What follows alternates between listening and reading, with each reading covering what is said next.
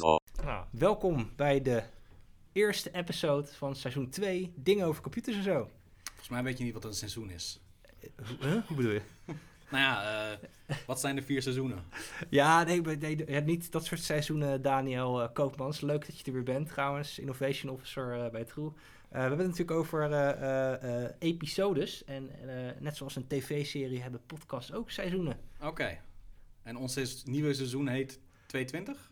Eh, nee, dat niet. Het is, het is gewoon seizoen 2. Seizoen 2 van Oké, dingen ja, over sure, computers nee. en Moet ook niet veel te lang over Nee, nadenken. niet te lang over Sorry nadenken. gast.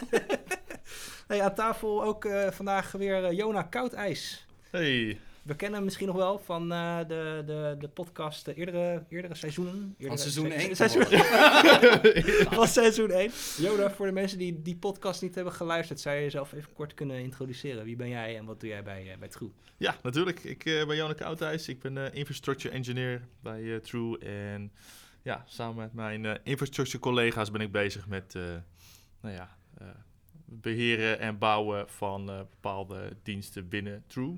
Dus denk daar bijvoorbeeld aan eh, het beheren van Highlander, de True Cloud.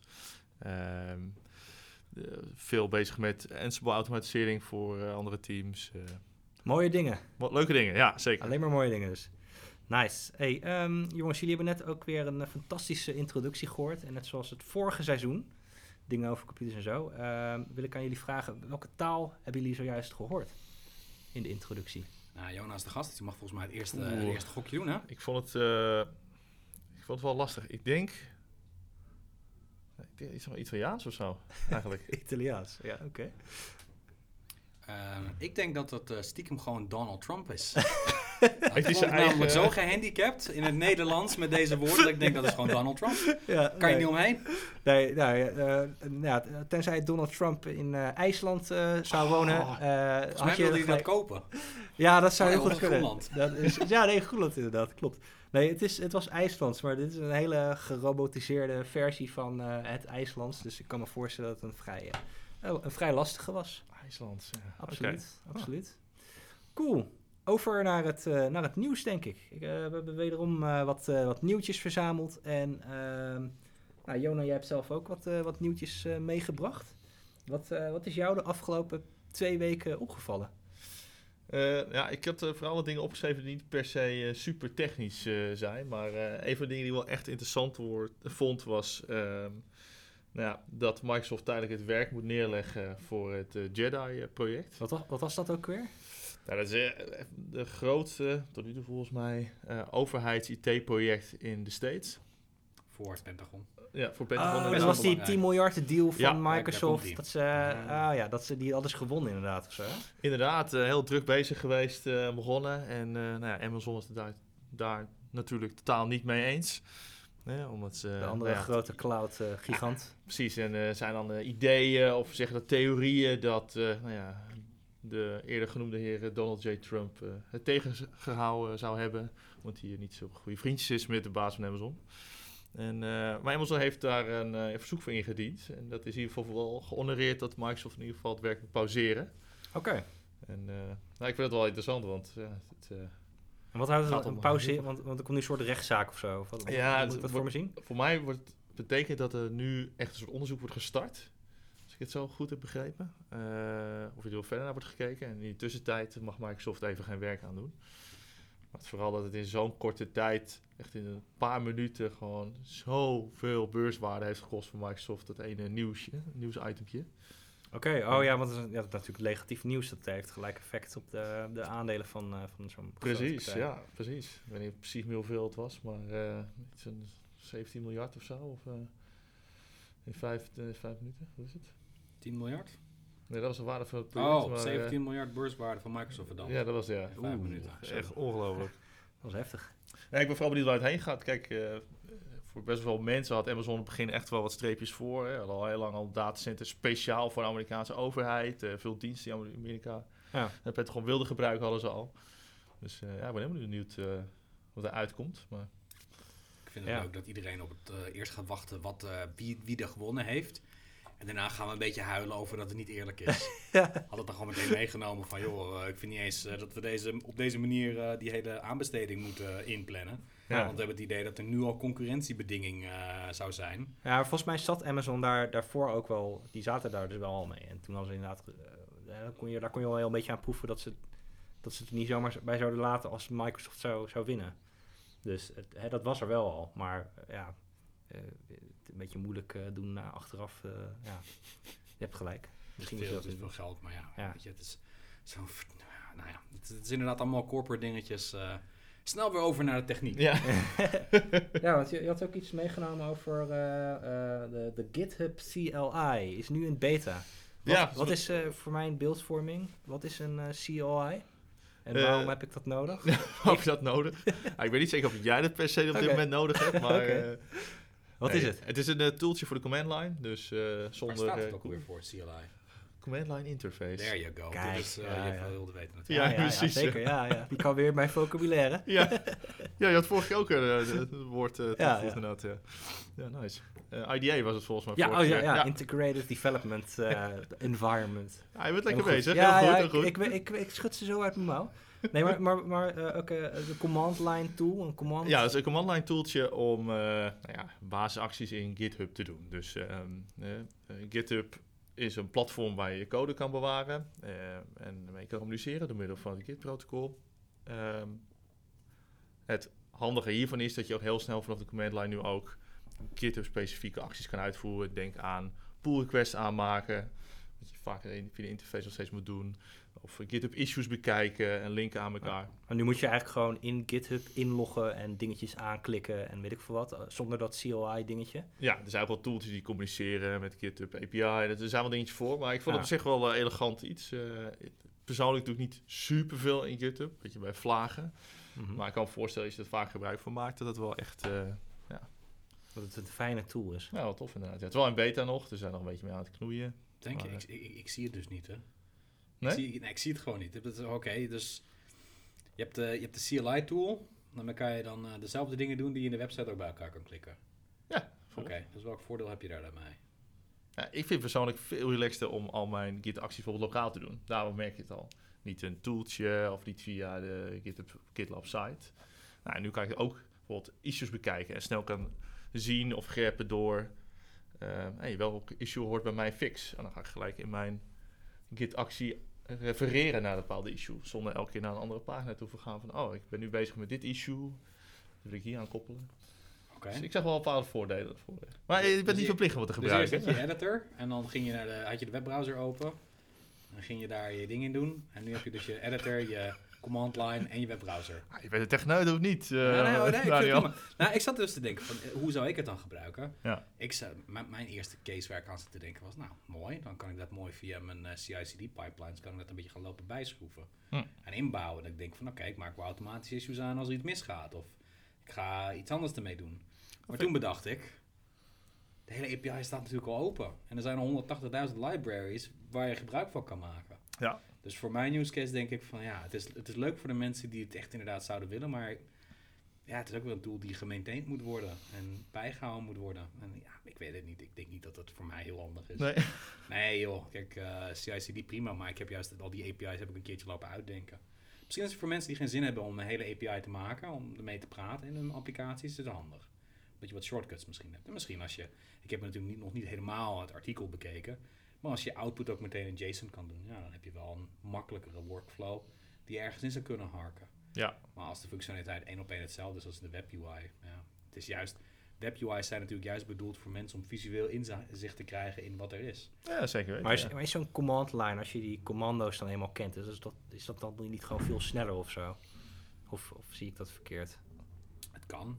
Dat, dat, dat ligt er dus helemaal aan. Als je inderdaad je CLS ook kan instellen dat hij meteen ook weet in welk project hij moet zitten, omdat je dat meeneemt in je projectcode of iets in, in je repo, Ja. dan is het misschien handig. Ja. Dat hij dat meteen oppakt. Ik weet niet of het zo werkt. Maar dat is volgens mij wel wat ik zag in het, in het voorbeeldje die ze hadden geplaatst. Oké. Maar, eh, maar nog, dit blijft inderdaad echt een persoonlijke voorkeur. eh, dat, weet je, dat is met heel veel dingen zelfs. Met Git trouwens precies hetzelfde. Sommigen prefereren echt een, een, een GUI om eh, met Git bezig te zijn Ja. en commit messages te maken. En sommigen duidelijk de command line. Maar, eh, maar ik vind het wel, ook wel iets moois dat ze wel echt eh, steeds meer bezig zijn om een keer het op uit te breiden. eh, en ik vind het wel mooi. Dit is een heel klein onderdeeltje ervan natuurlijk. Maar eh, Ja, dat is meer gewoon toegankelijk maken voor verschillende mensen. ja, precies. Maken. precies. Ik bedoel, misschien zijn er heel veel... Wat, eh, wat die mensen van Blizzard ook zeiden tijdens hun eh BlizzCon van... Don't you guys have mobile phones? Weet je, misschien hebben mensen gewoon geen sterke computer in, eh, in een of ander land. En dan moeten ze met de Raspberry Pi. Nou, dan heb je inderdaad geen... eh, daar heb je geen eh, webbrowser op zitten. Nou, hey, goed punten, Jona. Dankjewel voor deze Ja, gem of informatie. Blizzard, dat is wel een lekker voorbeeld ook. Lekker positief Ja. voorbeeld. Ja. Prachtig. Blizzard, ja, een mooi bedrijf. Eh, Ehm, ja, nee, ik had eh, zelf ook nog een, eh, een, nieuwtje. Dus een relatief nou ja, klein nieuwtje. Ehm, want er is weer een nieuw lek gevonden in een WordPress plugin. Het gaat om de. WordPress plugin Theme Grill Demo Importer. Echt een Dude, hele lekkere naam. el- elke, el- elke keer moeten we gewoon hebben de rubriek... Wat is er nou weer lek in WordPress? Ja, nou, ik, ik, ik wou het, ja, ik wou het eigenlijk bijna zeggen, want je, je komt dit natuurlijk zo vaak eh, tegen, eh, die plugins, dat is toch echt een enorme, enorm ding elke keer. Ehm, en dit, in dit geval dus ook. En ehm, ja, eh, het, is, het is een, dus een importachtige plugin dat dus thema's levert eh, van TeamGirl en die levert dus thema's aan WordPress eh, websites. Maar ja, het zijn er dus wel eh, ongeveer 70.000 websites die kwetsbaar zijn. Ja, dat is niet wat in het artikel staat. Het staat meer dan 70.000. Meer dan. Dat vind, ik meer heel, dan. dat vind ik heel raar. Want dat is ook, ze hadden ook kunnen zeggen meer dan 10.000. Ja. Meer dan 1000. Meer dan tien. ja, dat is redelijk specifiek. Ja, dat is redelijk specifiek ja, meer ja. dan. Is zijn 70.000, maar het is waarschijnlijk meer dan 70.000. 70.001. Als, ze nou, Zoiets. als ze nou gewoon ge- gezegd hadden bijvoorbeeld minder dan 80.000, nou, dan heb je er misschien iets meer aan. Ja. Als je dat dan houdt tegenover hoeveel WordPress-sites denk je dat er bestaan op de wereld, dan is het maar een heel klein percentage wat lek is. Dat, eh dat zekers. Dat zekers. Eh, Perspectief van statistieken. Ja, ja. Ja, nee, daar, daar heb je een heel goed punt, eh, Daniel. Absoluut. Dus eh, en hier, ik zie hier trouwens verder ook staan dat het zeker 72.000 websites treft. dus ja, het is, eh, Tussen de 70. het is, het is 70 En iets en, meer dan 72. Ja, dus, eh, dus dat.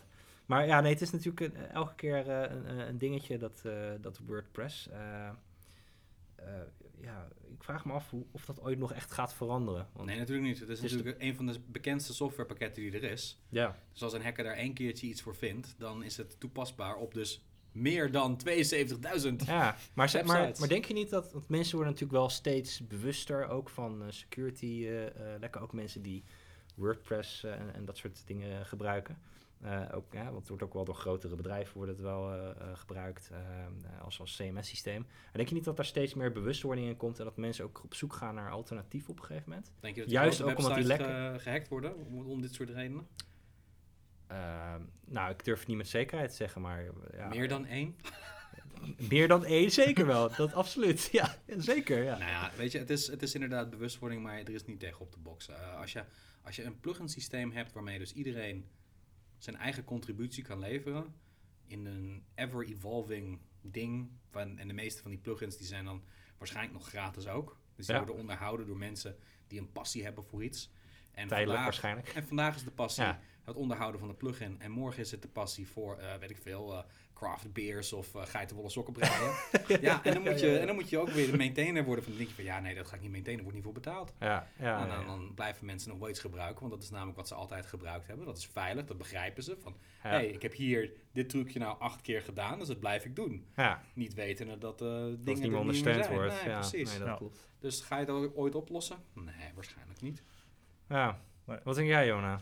Nou, ook. En zolang er, en dat zijn er best wel veel, eh, zolang de mensen, heel veel mensen die eh, WordPress gebruiken, daar ook totaal niet bij stilstaan of willen staan. En er vanuit gaan, ja, maar goed, ik kan lekker bij elkaar klikken. Iedereen gebruikt het, dus het zal wel goed zijn.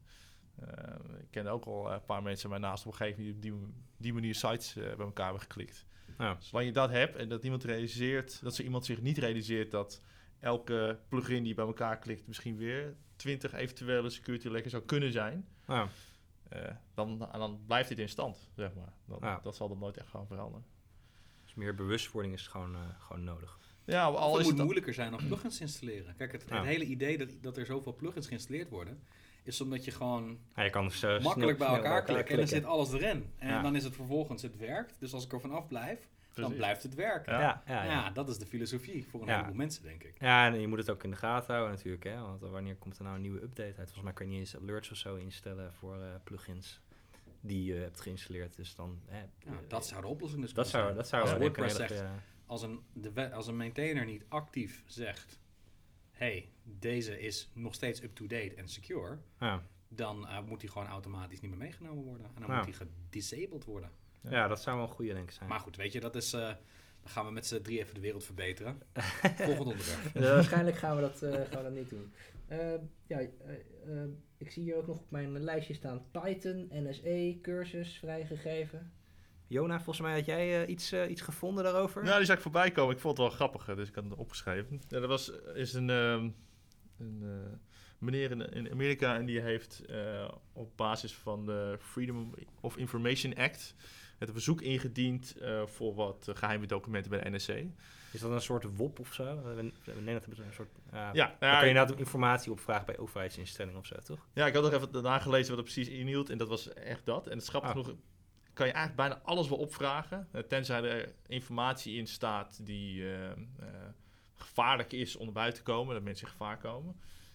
En ja, misschien om andere redenen die ze niet willen toegeven, maar Ja. eh, in principe kan je bijna alles opvragen. En hij, deze meneer, die heeft dus bij de NSC eh, ook wat documenten betreffende de cursus opgevraagd.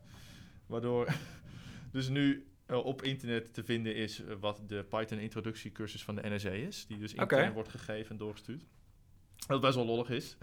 En, ehm, dus ik heb nog een beetje verder zitten lezen van wat, wat zit er dan in en wat is dan bijzonder. Nou, heel veel is gewoon een standaard Python introductiecursus. Die je ook gewoon op, de, op Code Academy eh, of zo kan vinden of dat soort dingen. Exa- exact dat, ja. Maar met soms wel kleine referenties naar hoe ze het bij NSC doen. Dat is op zich wel grappig. Toch? Oké. je hebt een eh, repository voor Python modules. Eh, en er staan allemaal referenties naar de interne repository van NSC. Dus denk je, oké, cool, hè? Daar houden ze dus ook zelf bij. En, Ah, en hun eigen GitLab instance en hoe die heet. En, eh, dus op zich wel... eh, GitLab, dus niet GitHub. nee, GitLab. Ja. There you mm, go. kijk, ja, zie Dat je, dat, is, dat Ja. is het dus, hè. Ze gebruiken eigenlijk al geen Microsoft-technologie. Wauw, dat is wel overheid. heel kort door de bocht. Dat ging snel. Zo, ja. Ik maak gewoon een heel makkelijk bruggetje. Nee, nee, nee, oké, ik, ga- ik eh, stop al. ik laat jullie wel de zinnige dingen zeggen. nee, maar, nee, maar, dat, is- maar, oké, maar eh, dus dat is op zich wel... eh, maar, maar, nee, maar wat heb ik er eigenlijk aan? Nou, voor nu, dit specifieke document eigenlijk vrijwel niks. Maar eh, hij was wel verbaasd over dat hij wel echt bijna alles van dat hele document binnen had gekregen. Soms wel echt NEC-specifieke dingen. Dus het is vooral nu interessant om te kijken waar, wat hij nog meer binnen kan halen. Hij heeft nu gelijk allemaal andere verzoeken ingeschoten om eh, zoveel mogelijk eh, Oké. binnen te halen. Dus kijken wat hij daarvoor krijgt. En als er misschien wat NEC-specifiekere cursussen zijn die ze moeten vrijgeven, dan wordt het wel een stuk interessanter om te kijken. eh, als het echt gaat over eh, aftappen of Ja. eh, grootschalig data opslaan. En, eh, Nou ja, weet je, aan de ene kant denk ik dus, oké, cool. de, de regelgeving bestaat, vind ik goed. Maar het klinkt een beetje als deze persoon een soort van supergroot vangnet heeft gebruikt. Om te zeggen, geef maar gewoon alles wat je hebt. Nou, dan gaat er dus iemand, dan gaan er dus eh, eh, waarschijnlijk eh, juridisch specialisten die gaan er naar kijken. Je hebt een hele overheidsmachine die door moet gaan bepalen van wat is goed en wat is niet goed. Dus voor het ene verzoek wat iemand dan indient, is de totale churn aan overheidsuren die gemaakt moet worden, die ook misschien op een andere manier gespendeerd kan worden, die wordt dan echt helemaal in het donderen gegooid. En uiteindelijk komt er dan uit, ja, ze geven een Python cursus intern bij, bij de NSA. En ja, dan, dan weten we nu dat ze GitLab gebruiken. Hun eigen regels. Nou oké, aan de ene kant ben ik er dus wel van mening dat dit soort initiatieven, zoals de, de, de, de- wat jij zei, de WOP of eh, hoe dat Ja, ja, ja. Wet, wet openbaring. Ja, precies, eh, dat ze bestaan. Ja, Maar goed. misschien, misschien is het wel handig dat het even bekeken wordt of ze van in hoeverre, wat probeer je te bereiken met het verzoek in plaats van, yo, doe eens delen van informatie of hoe het erachter komt. Ja, Ik vraag me af of, of want kijk, iedereen die kan er dus indienen. Er is geen restrictie. Nee. Dus als je de overheid wil social DDoS'en, dan ga je gewoon met z'n allen. Ik bedoel, als je denkt dat die truckers nu met de stikstofdingetjes alles in Den Haag eh, platleggen, ja, ja. moet je eens nagaan als ze met z'n allen gewoon een, een botverzoek indienen op verschillende random onderwerpen bij de overheid. Ja, ja, ja. Er ligt de hele overheid op zijn gat Ja, het moet wel behandeld worden natuurlijk. Ja, nee, oh dat god, is- dat heb ik gedaan. Ja, precies. Deze, als deze aflevering uit is gekomen, ligt de hele We, we Nederlandse kunnen nog plat, eh, eh. editen, Daniel. Ja. Dus Nee, stukje kan ik eruit wij, wij editen niet in eh, onze show zo. Nee, het is hoor. redelijk ongefilterd Ja. Nee, ja, het is een goed punt op zich hoor, zeker. En, eh, maar misschien, je zou, je zou het ook kunnen bedenken dat het misschien de NRC wel pusht om juist meer van dit soort documenten van tevoren al publiek te zetten. Dat dit soort cursussen zijn nou niet per se NRC specifiek, dus we zouden het net zo goed op GitHub kunnen zetten of zo. Sure. Zo zou je het ook kunnen zien. Heb jij jouw playbooks op GitHub, eh, op, op GitHub staan? Uiteraard eh, niet, maar Nee, oké. maar waarom dan niet? En waar kunnen we jouw Bob doen? Eh, nou, je mag het sowieso inschieten. Nee, ik heb ehm, sowieso niet heel veel in Git staan op dat gebied. En oké, om eerlijk te zijn, de reden waarom ik sommige dingen echt op private repos heb staan, is wat dan ontiegelijk lelijke code is. Dat durf ik gewoon letterlijk niet te delen met de wereld. En heb je de, de NSA Python ding bekeken? Ik heb wel doorheen gebladerd, ja. En is het ontiegelijk lelijk? Nou, het, het valt wel mee. Nou, het is nou, wel echt wel een eh, soort kussen, zeg maar. Ja, sorry. Ja, nee, dat, nee, dat is wel... eh, ja, nou ja, ja, zeker. Of er is iemand die heeft heel lang heel hard bezig geweest om het dus netjes te maken voordat het publiekelijk is. dat Ja, dat, zou ja, dat zou ook ja, nog wel kunnen, ja, ja. ja, ja, ja. Ze kunnen natuurlijk ook heel selectief zijn in Maar wat ze delen. mocht je dus weten hoe de cursus voor de NSA Python developers werkt, dan kan je hem uiteraard vinden eh, in het eh, artikel wat eh, meekomt met deze podcast. Zeker, ja. Ja. In de, in de eh, omschrijving van de podcast stuur ik altijd wat linkjes mee. Goed. Cool. Ehm, dan heb ik eigenlijk nog wel een vraag aan jullie. Want ehm, ik kwam een eh, onderzoekje tegen met de titel IT'er ontwikkelt kennis het liefst tussen haakjes deels klassikaal. Oké. Hoe zit het bij jullie? Hoe doen jullie dat het liefst? Nou, Johan, je mag het eh spitser afbijten. Dan wil je dat ik het doe. Eh, ja, persoonlijk ben ik, vind ik het eigenlijk wel lekker om eh, dingen een beetje on the job te leren. Dus gewoon, eh, nou ja, ik moet ergens naartoe, ik ga die informatie met elkaar rapen en, nou ja, ik ga het gewoon bouwen en dan kom ik het er wel weer vanzelf tegen. Ja. Ehm, klassikaal. Dat vind ik wel een interessante uitkomst eigenlijk, had ik Ja. niet verwacht. Ehm, ja. Persoonlijk, ik vind het niet vervelend. En ik vind het op zich ook wel eh, leuk om het die manier te doen. Maar meestal vind ik het toch prettig om het zelf uit te zoeken. Staat er in het artikel vermeld hoe groot zo'n klassikale klas Ja, is? dat is Ja, het zijn... eh, Als het 80 man is, denk ik, mwah, nee. Als Dat is het niet zo vier zijn, denk ik, ja. oh, mwah, ja, ja, dat nee, is wel het, eh, zo. het, het ga- ging volgens mij om wat aantal eh, een kleine art- eh, klasjes. Ik zoek heel even het artikel. Oh, hier zit hij. Ehm, ehm, het is onderzoek is gedaan door AG Connect. Dat is een eh, een vakblad voor IT'ers. Nou, dus IT'er is natuurlijk onwijs eh, breed. Ehm, het gaat om eh 83% van de IT'ers die volgden dus vorig jaar een, een opleiding, cursus of training. Ehm, maar ja, het merendeel kiest er toch echt wel voor, omdat dus maar liefst, twee, eh, liefst 92% gewoon voorkeur aan om dat dus deels klassikaal te doen, in plaats van en alleen online. Wat waren de opties? De opties Ja, voor? nou ja, je, gaat dus, je hebt dus een onderzoek. En Ja. dan kom ik dus bijvoorbeeld bij Jona aan en dan zeg ik... Jona, klassikaal, zou je dat leuk vinden? En als het een binaire vraag is ja of nee... Nee, misschien- nee, het, was wel... Het was wel Of is het eh, van, wil je een online cursus met self-learning doen? Wat zijn de opties geweest voor dit onderzoek? Nou, het zijn dus meerdere opties. Dus je hebt inderdaad klassikaal, maar ook dus online. Ehm, ja, het staat er niet heel concreet in, eerlijk gezegd, welke, optie, welke velden je... Ik heb het onderzoek zelf ook niet gedaan. Ehm, ik lees alleen eh, de conclusie eigenlijk eventjes. Eh, Beetje gevaarlijk, eh, een beetje gevaarlijk dus, want ja, ja de volgens mij was het... tegenover welke opties. Ik bedoel, Nou als er ja. twee opties zijn, is dus 50% kans dat ze voor één optie gaan. Ja. Als de ene optie is onder dwang bij de NSC op, op, op een waterboard of klassikaal, dan weet je, ja nee, dan gaan we natuurlijk klassikaal gaan. Nee, zeker. Ja, nee, daar- Nog daar- 13% wil het eh worden. Ja, ja, Precies. Nee, maar dus, dus ja, ik vind al die onderzoeken leuk om, om dat te horen. Maar ja, ik wil dan wel weten, wat, wat waren de volledige opties die aangeboden werden? Ja. Ik bedoel, eh, het voordeel van een klassikaal, als je dat bij je werkgever aangeeft, ik zeg van nou, klassikaal zou ik willen doen tegenover self-study online. Dat is Ja. dat, als het klassikaal is, dat betekent dat je fysiek aanwezig moet zijn. Dat betekent dat het ingepland moet worden op een bedrijfskalender. Ja. En dat betekent dat je er ergens heen moet gaan en dat je dat, je zit vast. Ja. En dat is heel fijn, want als je in een groot bedrijf werkt, dan zitten er van allerlei verschillende instanties binnen en, en, en, en, en eh, forces die je proberen om bepaalde dingen te laten doen. Ja. Dus eigenlijk komt, wanneer het gaat over studie, Ja. hoe vaak heb je een collega gezien op werk die zegt, yo, je moet me even niet storen, Want ik ben met, met mijn zelfstudie bezig voor Kubernetes of DevOps of iets anders. Ja. Dan gaan mensen denken, waarom doe je dat niet in je eigen tijd? Terwijl Ja. het wel sociaal geaccepteerd is om naar een klassikale Eigenlijk is dat vreemd. gaan. Vind ik, dat ik heel is dat vreemd. Ja. Maar dat is de stelling die ik probeer te maken. Maar Ja. dat is wel precies Waarom is dat vreemd? Nou, ik, nou, ik waar- vind het vreemd dat, eh, dat je niet eh, daar gewoon de tijd voor kan nemen. Eh, om dat dus gewoon ook zelfstudie te doen, online zelfstudie of zo. In, Weet je wel, waarom zou je niet gewoon even een half uurtje per dag of een uurtje per dag...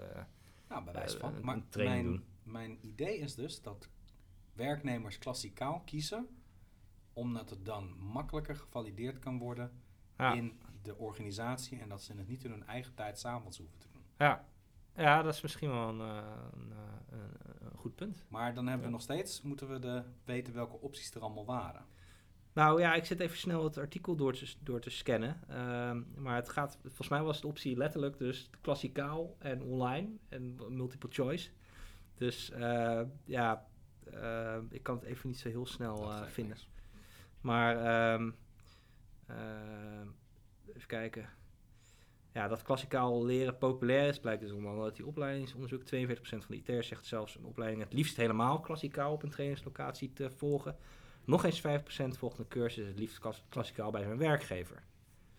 In beide gevallen is het iets wat je overdag doet. Want leraren die zijn ook, die gaan niet zeggen van ja joh, kom gewoon lekker om half tien even langs. Nee, Nee, dat is gewoon een hele dag. Dus mijn instinct zegt dat er iets meer aan de gang is dan hoe het is. Het is gewoon, als je het op die manier doet, is het vastgelegd. Dan is het in bedrijfstijd dat je bezig bent met leren. Want alles wat je online doet, kan je moeilijk verkopen tegen je collega's die een hulpvraag hebben. Om te zeggen, nee, je moet me even niet storen, ik ben bezig met mijn opleiding. ja, ja, Ja. ja. ja, Hoezo? Ja. Ik heb een klant die down is. Eh, als je in een klassikaal ding zit, word je ook niet lastig gevallen. Maar als je op werk zit, dan ja. En dan heeft het eigenlijk toch wel echt met de fysieke afwezigheid dan te maken. Ja, dat denk ik wel, ja. Ja.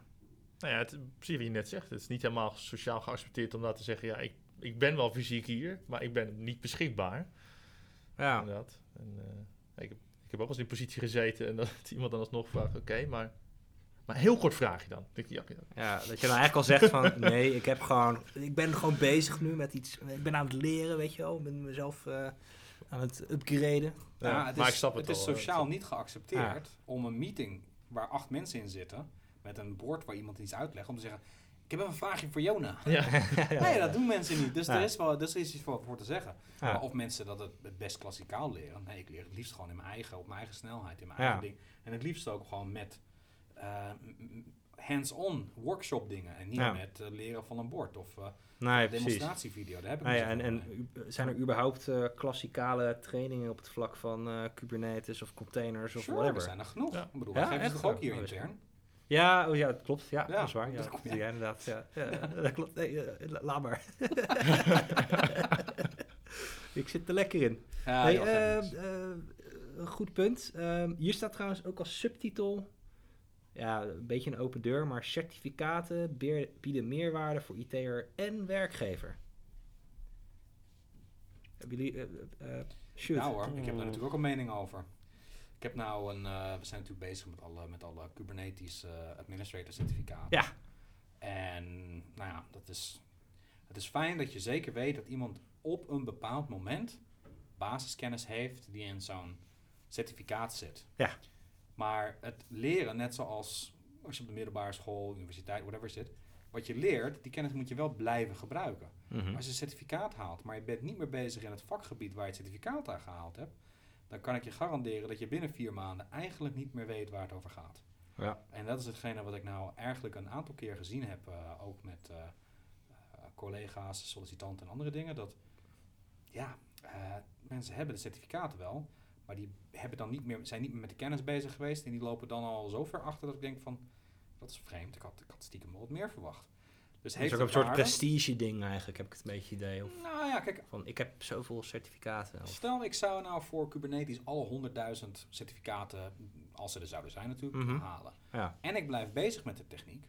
Dan kan ik bij werkgevers kan ik aankomen en kan ik zeggen, hey, ik heb al deze certificaten en ik weet mijn dingetjes. Dus dan denken ze van, nou, oké, we kunnen testen of je het echt weet. Mhm. Al die certificaten geven aan dat je basiskennis hebt. ja. Wanneer je ze gehaald hebt, prima, weet je, dan heb je meerwaarde. Maar als je de basiskennis gewoon vergeet nadat je je cursus gedaan hebt en je komt aan bij een bedrijf, dan is het van ja, hij zou het in theorie wel kunnen, want hij heeft het een keertje gedaan. Ja. Maar het is mij nou al een paar keer overkomen dat mensen die certificaten hebben eigenlijk niet meer weten waar het over ging. Hmm. En dat vind ik dan heel jammer. Dan denk ik van, dat zou toch de meerwaarde moeten zijn die erin zit. Ja. Daar ging ik namelijk stiekem wel vanuit dat mensen dat weten. Dus Ja. eigenlijk Het is geen garantie. Het is geen garantie Nee, maar het is voor, dus nog eh, erger. Het was dus eigenlijk een nadelig effect voor die sollicitanten. Ja. Want ik dacht namelijk, oké, je hebt de certificaten, dus dan kan je wat vragen stellen die ook in dat examen komen. Ja. En die wisten ze dan niet. En dan denk ik van, dat is dus niet handig. Nee. nee, nee, Dat is gewoon basiskennis Kubernetes. Die moest je weten. Ja. En als ze niet die certificaten hadden, had ik ze die vragen niet gesteld. Nee. Had ik ze niet anders gedaan. Of andere verwachtingen, verwachtingsmanagement. Ja, Ja. dat is wel een ding. Ja, ja, zeker. Ja. Dus Maar ik denk wel dat het meerwaarde heeft, uiteindelijk. Het is Ja. gewoon een basis, net zoals de middelbare school, college. Als je het hebt, heb je een basiskennis. eh, Ja. Ja, precies dat, ja. Het basiskennis. Ik zie het ook echt meer als een springplank naar iets anders. Dus als je bijvoorbeeld eh, nooit iets met Amazon gedaan hebt en je gaat die eerste twee certificeringen halen, weet je, dan heb je echt wat grondige basis om daarop verder te bouwen. Maar alleen dat Ja. ga je geen Amazon-platform in elkaar schroeven, maar ja, dat, eh, dat zie ik ook wel inderdaad. Nou heb ik nog wel een vraag voor jou, Jona. Stel, je bent een mooie teamleider voor, eh, voor infra geworden. En dan komen twee sollicitanten komen bij je aan. De ene die heeft Azure training gevolgd en die is eh, Azure Cloud Architect. En de andere heeft geen Azure training gehad, maar die heeft de afgelopen vier jaar in een Azure omgeving voor een verzekering gewerkt. Welke heeft zonder enige verdere kennis meer voorkeur bij je? Bij mij sowieso die tweede. Nou, there you go. Sowieso die tweede. Dus daar is je antwoord. Eh, certificaten zijn leuk voor als je begint met je carrière, Exact. Ja. Maar ervaring is belangrijker. Key. Ja. Ja. Zeker. Dus eh, beste luisteraar, als jij eh, nog een mooie baan zoekt en je begint net, dan zijn Waarom, certificaten. waarom, waarom praat je meteen zo? Je praat een beetje als Herbert van ik, eh, probeer, ik probeer een soort van soepel bruggetje te vinden voor als iemand nog een vette baan eh, zoekt en eh nou, bij True wil werken. Wil jij ook werken in een jong en dynamisch bedrijf? Waar elke dag anders en vol met mooie dingen is. Waarin de kennis je compleet ontgaat en de processen je aan de broek gesmeerd nee joh. Eh, nee, we zijn altijd op zoek naar goede engineers voor eh, zeker eh, als DevOpsers, inframensen, Ja. eh, Azure en Kubernetes. Eh, maar goed, ook gewoon voor Linux engineers. We willen ze allemaal hebben. We gotta catch them all. We zijn een soort van de Pokémon company in de IT-wereld. Weet jij wat van IT? Kom langs. Precies. Kom gewoon, kom gewoon een keertje praten. Ja joh. Nee, precies. Nee, nice. Ehm, ik zit een beetje ook naar de tijd te kijken. Volgens mij eh, tikken we een beetje het half eh, uurtje aan. Nou, dan moeten we even snel gaan naar het eh, andere dingetje wat interessant was. En dat is mobiel verkeer. Je zei van, je hebt een artikel opgeschreven dat het allemaal hoger en groter was. Ja, ehm, ik moet ook wel eerlijk bekennen, ik heb, wat, ik heb gewoon even wat quotejes eruit gehaald. Het mobiel verkeer is inderdaad flink gegroeid. Ehm, ik vond het ook wel een klein beetje een open deur, maar het mobiele verkeer is dus sinds 2017 met ruim 30% gegroeid. Dat blijkt uit onderzoek van eh SimilarWeb. Dat is een soort tooltje om eh, websites mee te vergelijken. Ehm, even kijken, wat was nog meer opvallend? Het ging dus puur om website data. Dus eh Ja. eh, website bezoeken. en Ja, dat soort, ah. Klopt, ja, ja, ja, ja. En ze hebben volgens mij met name gekeken naar de top 100 websites. Oh nee, wacht, nee, sorry. De top 100 websites zagen het totale verkeer vorig jaar met 8% stijgen. In totaal gaat het dus van de top 100 websites gaat het om 223 23 miljard bezoeken per maand. Eh, met name april en juni waren topmaanden. En ook daar was dus mobiel verkeer gewoon een enorme ja, eh, eh, toename. Ehm, wat, ja, wat vinden jullie ervan? Want het, het kwam ook bij mij ook wel een klein beetje o- over als een, als een open deur. Ja, tuurlijk groeit mobiel verkeer. Iedereen Weet heeft je, een mobiel. maar zou je weten waarom het dan zo groeit? Heb je daar een, goede, een, be- een betere verklaring voor? Nou, je hoeft niet Ja. het artikel te lezen. Ik zie al Nou, kijken, ja, gewoon, het- gewoon, gewoon als vraag. Mensen, iedereen heeft zijn mobieltje bij zich. En eh, websites worden steeds meer responsive. Eh, alles is steeds meer mobile first. Dus ja, eh, het is een ontwikkeling die de laatste jaren gewoon flink gaande is. en gewoon niet meer te stoppen is. Dus ja, alles is gewoon mobile first. Dus ja, ik, vind, ik vond het eigenlijk ook wel een beetje een redelijk open deur, eerlijk gezegd. Ik denk dat het voornamelijk met de levenskwaliteit in alle landen in de wereld te maken heeft dat meer mensen simpelweg toegang krijgen tot een mobiele telefoon. Het is voor, voor alle plaatsen in de wereld eh, is het niet zozeer dat een computer iets is wat je snel kan aanschaffen, maar een mobiele Ja, telefoon oh, zo ja, heeft ja, namelijk ja. veel meer impact op je leven. Omdat je dan ook Ja, kan- klopt, kan eh, bellen, Ja, e-mailen, kan er eigenlijk alles mee. Dus ik denk dat ondanks dat in onze eigen maatschappijen natuurlijk hier ehm, ook meer jonge mensen, dus kinderen, steeds op vroege leeftijden mobiele devices krijgen, mhm. dan gaat die inderdaad omhoog qua percentage. Maar als je kijkt naar de overal wereldeconomie zoals die eruit ziet, verwacht ik dat juist de, de up-and-coming economies, ja. dan is het eerste wat mensen doen, is niet een computer kopen, Nee. maar een mobile kopen. Nee, mensen Ja. kopen geen, geen, eh, geen desktop of geen laptop meer, maar gewoon in eerste instantie inderdaad een In mobiel. eerste instantie Ja, een, klopt. Een, een mobiel. En daarmee gaan ze het internet verkennen. Nou ja, Ja. dan krijg je de- een verhoging van die statistieken. Mhm. Ja. Dus ja, het is, het is absoluut een, een, in de, een open deur in, maar waarschijnlijk niet op de manier hoe je dacht dat die zou zijn. Nee, nou, nou, nu, nou, het is grappig dat je het zegt, want ik heb ooit al een keer een artikel gelezen over, eh, ik weet even niet meer welk land het was, maar het was een land in, in Afrika ergens, waar inderdaad het mobiele verkeer ook echt enorm aan het groeien was. En dat kwam dus daardoor. Ja. Ik, zal hem even, ik ga even kijken of ik hem kan vinden. En als ik hem vind, dan voeg ik hem toe in de, in de comments, want dat was wel een mooi artikel. Oké. Dat daar de economie ook eh, daardoor ook wat meer gestimuleerd Nou, werd. eh. gebaseerd op jouw vraag of ik even kon uitzoeken of ik ook, mo- hoeveel mobiel verkeer ik nou gebruik. Dus Ja, ik ben ja, even ja, door ja. mijn, eh, het afgelopen jaar heen gegaan. Ik Oké. gebruik gemiddeld 2 gigabyte per maand. Oh, Oh, dat is Ik best heb, netjes. eh, ik heb een 10 gigabyte abonnement. Oké. En, eh, vier, eh, of althans 2 gigabyte stuur ik naar mijn vrouw met MB's delen. ja, ja. Tegen een provider deal die daar dan is. Oké. En dan gebruik ik zelf nog 2 gigabyte, echt, echt zelf. Oké. En hoeveel mijn vrouw dan gebruikt van die 2 gigabyte die ik haar stuur, dat weet ik niet. Dat Daar heb ik geen inzicht over, maar ik Dat gebruik zelf. controleer jij niet eh, af en toe? Nou, ik weet het, het, is, het is gaten? dus minder dan 2 gigabyte. ja, ik zou het echt niet weten hoeveel ik gebruik. Maar Hoezo? het Je hebt toch gewoon je, je telefoonrekeningen waar dat allemaal op staat? Gaat toch niet vertellen dat, dat jullie dit alle twee niet even uitgezocht Ik hebben? check dat niet. nee, ik heb er rond de niet. 6, heb ik toevallig. Zes. Oké. 6 gigabyte, ja. Kijk je heel vaak eh, dingen op het toilet of zo? Misschien.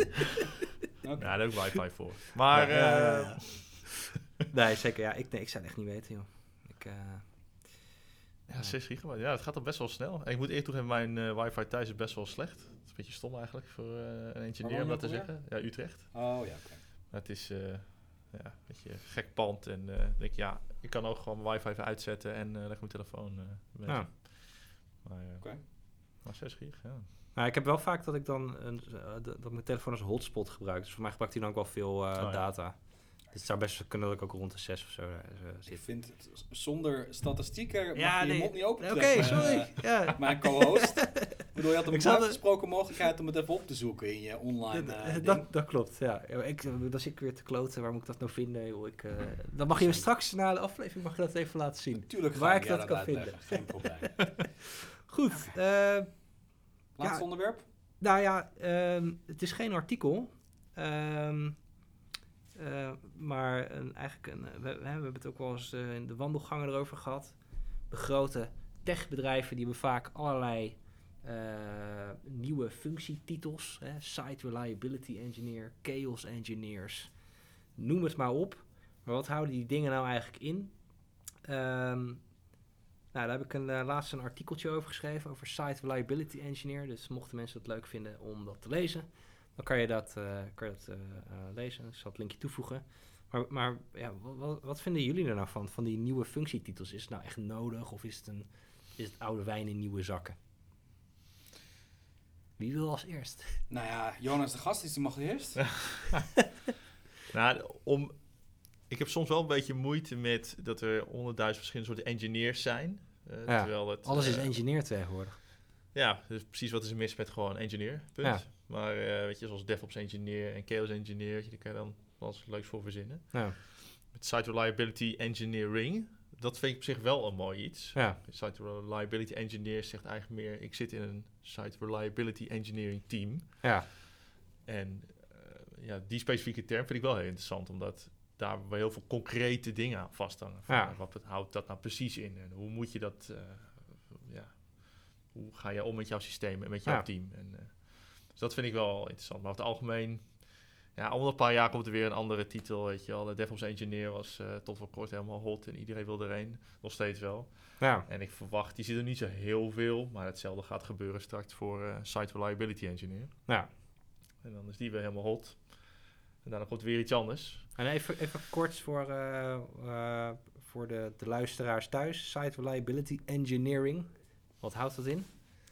Ehm, het is eigenlijk eh, een soort antwoord op het DevOps probleem. Zo wordt het vaak omschreven op het internet. Ontstaan bij Google. En ehm, het, het wordt voor mij ook officieel omschreven door een van de gasten van Google. Die het is begonnen met... ehm, het is een engineer die eh, infrastructuur schrijft. Of software developer die infrastructuur schrijft eigenlijk. Ja. En eh, ja, zij liepen heel erg tegenaan. Dat development, die, die programmeerde iets. eh, die wilde dat eh, operations eh, ging eh, in, de, in Ja, productie dat was al, was al een beetje begin 2000, hè? Alles, alles liep ze al een beetje tegenaan. Ja, precies. Inderdaad, veel vooral de schaal die zij hebben en de hoeveelheid features die zij moesten uitpoepen, Ja. dat was best wel veel. Ja, dan kwamen ze uiteindelijk met eh, site reliability engineers en daar hebben ze nu best wel een aantal, eh, een hoop mensen van rondlopen. En ehm, nou, een van die dingen die zij bijvoorbeeld concreet hebben gemaakt met eh SRE, met site reliability engineers, bijvoorbeeld ehm, eh, heel duidelijk gaan meten waar die engineers mee bezig zijn. Ja. Dus wat, wat voor werk ze doen. Eh, bijvoorbeeld, ik heb zoveel uur aan een ticket besteed, ik heb zoveel uur aan manueel werk besteed, zoveel uur aan projecten. En dat gaan ze allemaal meten en dan, dan komt er bijvoorbeeld een percentage uit. Van, nou, ik ben 50% bezig geweest met projecten, of 50% of 80% met manueel werk. Ja. En op basis van die percentages gaan ze bepalen waar ze hun tijd vervolgens in moeten steken. Dus ze Mhm. te veel manueel en terugkerend werk, dan moet automatisch meer tijd worden gestopt in automatisering. En het toffe daarvan is, is dat alle teams kijken naar dezelfde cijfers. Dus je hebt nooit meer discussies met een product owner of eh, sales of wat dan ook. Met ja, nee, je moet per se, je moet per se dit doen. Ik zeg, Ja. nou, hartstikke leuk, maar Ja, niet wat eh grafiek zegt. Ja, We hebben het afgesproken in een, eh, een SLO of een Ja. SLI. Wat was het ook weer? ja SLO. precies. Ja. Sales, eh, service level objectives. Dus dit is de minimale. Doel, dit zijn de doelstellingen waar wij Ja. onze dienstverlening aan willen, willen voldoen. Precies, ja. En eh precies je net zegt, die objective is al een mooi voorbeeld. Want je hebt vaak een SLA nu en dan zeg je minimaal 99% moet eh, dit systeem online zijn. Ja. Of, eh, meer. Maar het gaat over stabiliteit. Dus het gaat heel erg over de operationele kant. Precies, ja. En zo'n SLO-objective is letterlijk een objective. Als in, als jij 99% eh SLO hebt, uptime bijvoorbeeld, Ja. en hij is al consequent 100%, dan eh, is het te hoog. Mhm. En dan moet het omlaag. Oftewel, je neemt te weinig risico. Mhm. Of je laat je gebruikers er te aan gaan wennen dat het altijd online is. Ja. En dat is wat Google ook doet. Er zijn bepaalde componenten waar zij gewoon, als de uptime te lang 100% is, dan trekken ze gewoon de stekker eruit. Oké. Omdat mensen te veel aan gaan wennen. Ook intern. Dus andere Dat klinkt, teams. dat klinkt voor mij als, als eindgebruiker van IT best wel vreemd. Het is niet zozeer dat een eindgebruiker dat hoeft te merken, hè, dat het Ja. stuk gaat. Precies. Oké. Dat is namelijk iets anders. Je hebt dus een, een dienst is recovering, of Ja. heeft failover-mechanismes. Maar als dus één dienst op, zeg je hebt een failover-mechanisme voor A en B, Mhm. en als A nooit down gaat, dan weet je dus ook niet of B het überhaupt kan overnemen. Ah, zo. Ja, Ja. ja. Ja, ja, Dus eigenlijk ook, met, met- het heeft ook met de redundantie dan te maken. Het is kijken of het Ja. werkt. Als namelijk A zo goed functioneert dat B nooit werkt en nooit getest is, Mhm. dan kan het dus zijn dat je ook in ongecontroleerde manieren erachter gaat komen dat B niet werkt. En dat wil je eigenlijk niet. Ja, dat- oh, oké, dan snap ik hem. Dus eigenlijk meer gewoon voor de interne ja, efficiëntie zou je bijna noemen. Wil, wil je ook dat dingen soms stuk gaan? Ja, Je wil soms dat dingen, dat je kunt zien wat is de impact van mijn systemen als er iets uitvalt. Je wilt verifiëren dat de, dat de maatregelen die je neemt om dingen een hoge uptime te geven, Ja. dat die daadwerkelijk ook werken zoals ze beschreven staan. En dat ze overeenkomen met de SLO die ervoor staat. Ja. Ja. Nice. Eh, Oké, en eh, eh, dat is de site reliability engineering. Wat doet zo'n chaos engineer dan? Ja, die injecteert de problemen zonder dat iemand weet hoe dat werkt. Kijk, de, ehm, de SRE die gaat kijken naar het. Je hebt de developers die maken een platform. En de Mhm. SRE die gaat dat overnemen en implementeren in productie. Ja. Developers gaan niet in productie zeggen: dit hebben we, zo moet het werken. Die hebben alleen het concept van: we hebben deze dingen die moeten werken, we hebben deze SLO's. Mhm. Of althans, ze moeten de SLO's formuleren gebaseerd aan wat de SRE's altijd naar buiten brengen, of de, of de systeemengineers. ja. En op het moment dat iets naar productie gaat, dan wordt dat niet opgezet door de developers, maar dan wordt dat opgezet door bijvoorbeeld een SRE. Mhm. Want die heeft namelijk ervaring met welke componenten moeten werken, op welke manier, Ja. zodat we een hoge availability kunnen creëren. Mhm. En ook dat dat is. Die gaan dus ook helpen met het documenteren van hoe dat werkt. Maar eigenlijk is het doel van de SRE dan om het ook uiteindelijk weer over te kunnen dragen. Mhm. Of dat ze ownership nemen van hoe dat werkt. Oké. Maar in die zin is een SRE dus optioneel. Want een DevOps team kan het ook oppakken. Het is maar wat voor naam je eraan Het is maar net van, van wat je ermee doet. Ja. ja. En een chaos engineer die injecteert gewoon chaos. Dan. Ja, maar niet alleen op infrastructuurniveau, maar Ja. ook bijvoorbeeld op eh, applicatieniveau. Ja. Want die injecteert dan verkeerde code of zo. Wat, hoe Nou ja, als je een microservice architectuur hebt, wat gebeurt er als... Kijk, je kan alles natuurlijk mooi afcoden van, ja nee, als je een 200 krijgt, dan is de verzoek goed gegaan. Ja. Wat als je een timeout krijgt dan? Dan heb je dus Ja. geen HTTP-code. Hoe gaat je applicatie daarmee om? En, en daar denkt zo'n eh, eh, meneer of mevrouw dan eh, over na. Van, Nou, die denkt in ieder geval na over hoe kan ik de applicatie stuk maken om hem te testen op dat soort dingen. Terwijl Ja. SRE SRE die gaat niet een applicatie bewust random stuk maken, maar die gaat gecontroleerd dingen stuk maken, denk ik. Ik denk dat dat misschien het verschil is. Of in ieder geval, die gaat het veel over mechanismen testen. En die Mhm. gaat niet gewoon kant A gewoon uitzetten om te kijken of er veel over werkt. Die zal waarschijnlijk een, meer gecoördineerde aanpak Ja, ja, ja. Dus een chaos soort van semi-chaos. Gewoon, let's do this. Ja, ja, precies. Oké, nice. Ja, ja, voor mij waren het relatief nieuwe titels. Eh nou ja, eh, Site Reliability Engineering heb ik dus wel een klein stukje over geschreven op het blog. Mede met de hulp van eh Jona trouwens. Super bedankt voor die input. Graag gedaan. Ehm, dus ik zal een linkje daarin toevoegen. En wie weet, misschien een keer een blogpost over Chaos Engineering. Nou, Of een ander iets. Een SRE, die is verantwoordelijk voor de uptime. Hè? Een chaos engineer, die gaat niet om half drie 's ochtends zijn ding doen en het dan ook oplossen. Nee. Maar de SRE, die blijft bij zo'n project, over het algemeen, om te zorgen dat het goed doorloopt. Ja, dat is waar. Chaos engineer is een momentopname. Die gaat iets ergens doen gebaseerd op.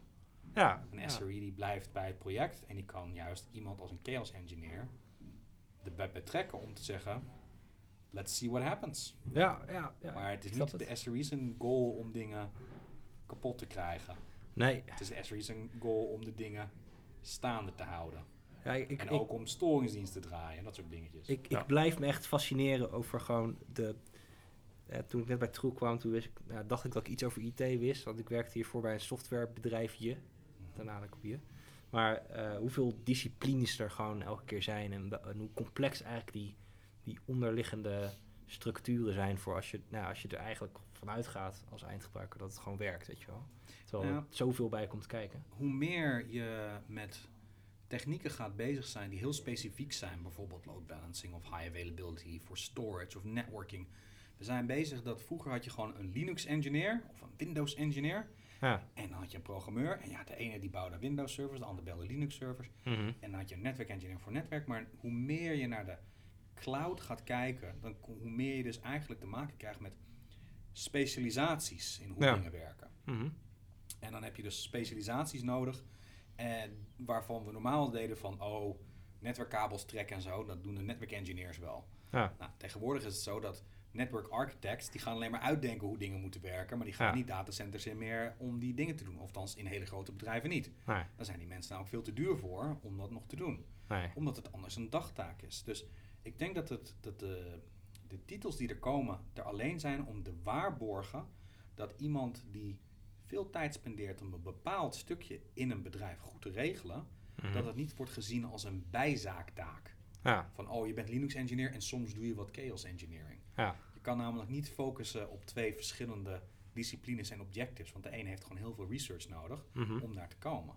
En om te waarborgen dat je bepaalde mensen alleen inzet voor bepaalde dingen, moet je ze titels geven waardoor ze zich kunnen eh, distancieren van andere eh, dingen in het bedrijf. Anders krijg je dus dat iedereen is Linux engineer, iedereen kan alles doen. Hey Jona, kan je voor mij even dit netwerk VLAN aanmaken? Eh, ja, nee, dat weet ik niet, want ik ben, geen, ik ben wel van infra, maar ik ben niet van netwerk. Dus dat is weer iets anders, dan moet je bij hun zijn. Ja, maar jouw titel zegt Linux engineer, iedereen moet alles kunnen. Ja. Dat helpt dus niet. Dus Nou. je moet, er komen steeds meer van dit soort titels bij. En ik denk dat het alleen maar groter blijft groeien. Nou, ik ben benieuwd. Ja. Cool, ik denk dat we, dat we wel eh, een beetje richting de afronding eh, moeten gaan. Ik, eh, ik vond het hartstikke leuk weer. Eerste episode, seizoen 2. Ja, ik vond het hartstikke leuk. Ik voel me vereerd dat ik bij de eerste aflevering mocht zijn van het nieuwe seizoen. Echt, Zeker. Ja, nou, je, wat mij betreft mag je absoluut toch een keertje terugkomen. Ik zie Daniel Top. ook heel hard eh, lachen en ja knikken. Ach ja, het is, eh, het is hartstikke leuk. Ik heb je weer gemist eh, al die tijd. Ja. Ik ben blij dat we weer aan de gang kunnen gaan. Zeker, we gaan het gewoon lekker erin houden. Precies. Oké, beste luisteraars, dank, bedankt voor het luisteren en tot de volgende keer. Doei! Doei